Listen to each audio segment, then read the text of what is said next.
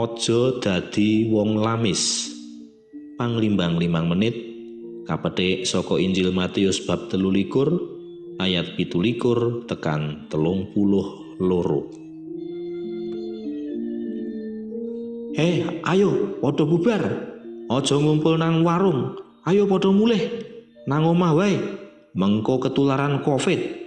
Lo, iki meneh ora nganggo masker. Jian angel tenan kandhanane. Ngono kuwi bengoke Ki Jagabaya marang warga kang lagi lungguh cangkruan neng warunge Lek Paidi. Sawise warung wis sepi, ora ana wong sak ndil-ndilo karo metenteng Pak Jagabaya nyeluk Lek Paidi sing duwe warung. Di, rene o. Dan rene o to. Lek Paidi age nyedaki Ki Jagabaya. Di, cepakno pecel lele 15 piring. Kopi tubruk 10 gelas, tambah wedang jeruk legi tur panas 5. Sedelo maneh aku sak kancaku arep mangan nang warungmu. Rada sengol lek paidi nyauri. Piye to ki?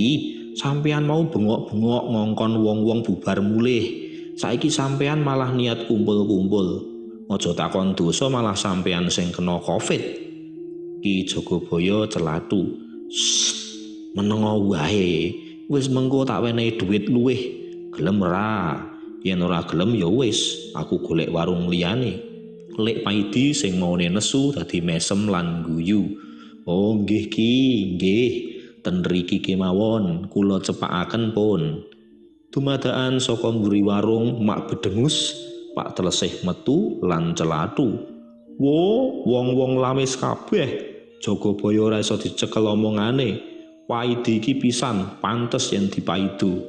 Terus arep dadi apa kampung kene?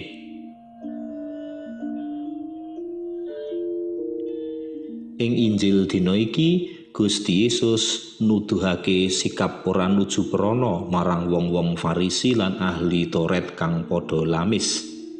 Cilaka kowe para ahli Toret lan wong Farisi, kowe padha lamis sebab kowe padha kaya kuburan sing dilabur putih. Saka njaba pancen katon apik nanging jerone kebak balunge wong mati sing wis bosok kabeh. Saka njaba kowe katon mursid nanging jeroning batinmu kebak lelamis lan duraka. Ya kaya mengkono mau patrap wong lamis, pinter mituturi wong liya ndaki-ndaki apik-apik. Ananging apa kang dituturake mau ora bisa dilakoni dhewe. Kaya gajah diblangkoni. Iso kojah nanging ora iso nglakoni.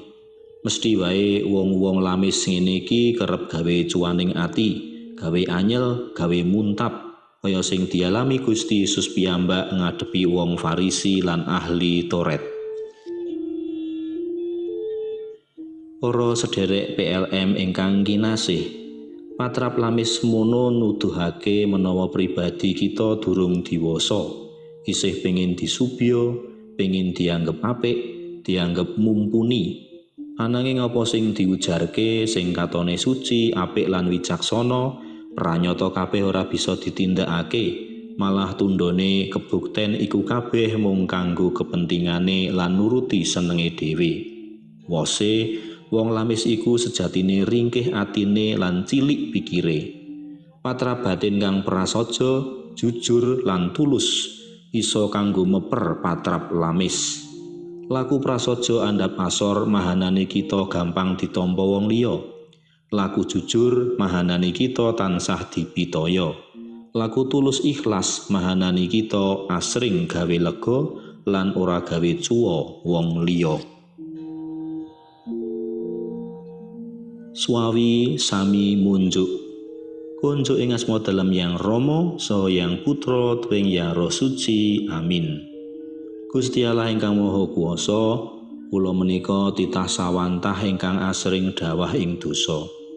Pramila kawula nyuwun ing panjenengan dalem kegiatan batin supados tinebihna saking patrap lamis ingkang saged ndamel kuciwaning tiang sanes langkung-langkung kuciwaning panjenengan dalem kula nyuwun kiat kuasaning yang roh suci supados gadah batin ingkang kiat prasaja jujur lan tulus saengga saged damel suka gumbiraning tiang sanes lair lan batin.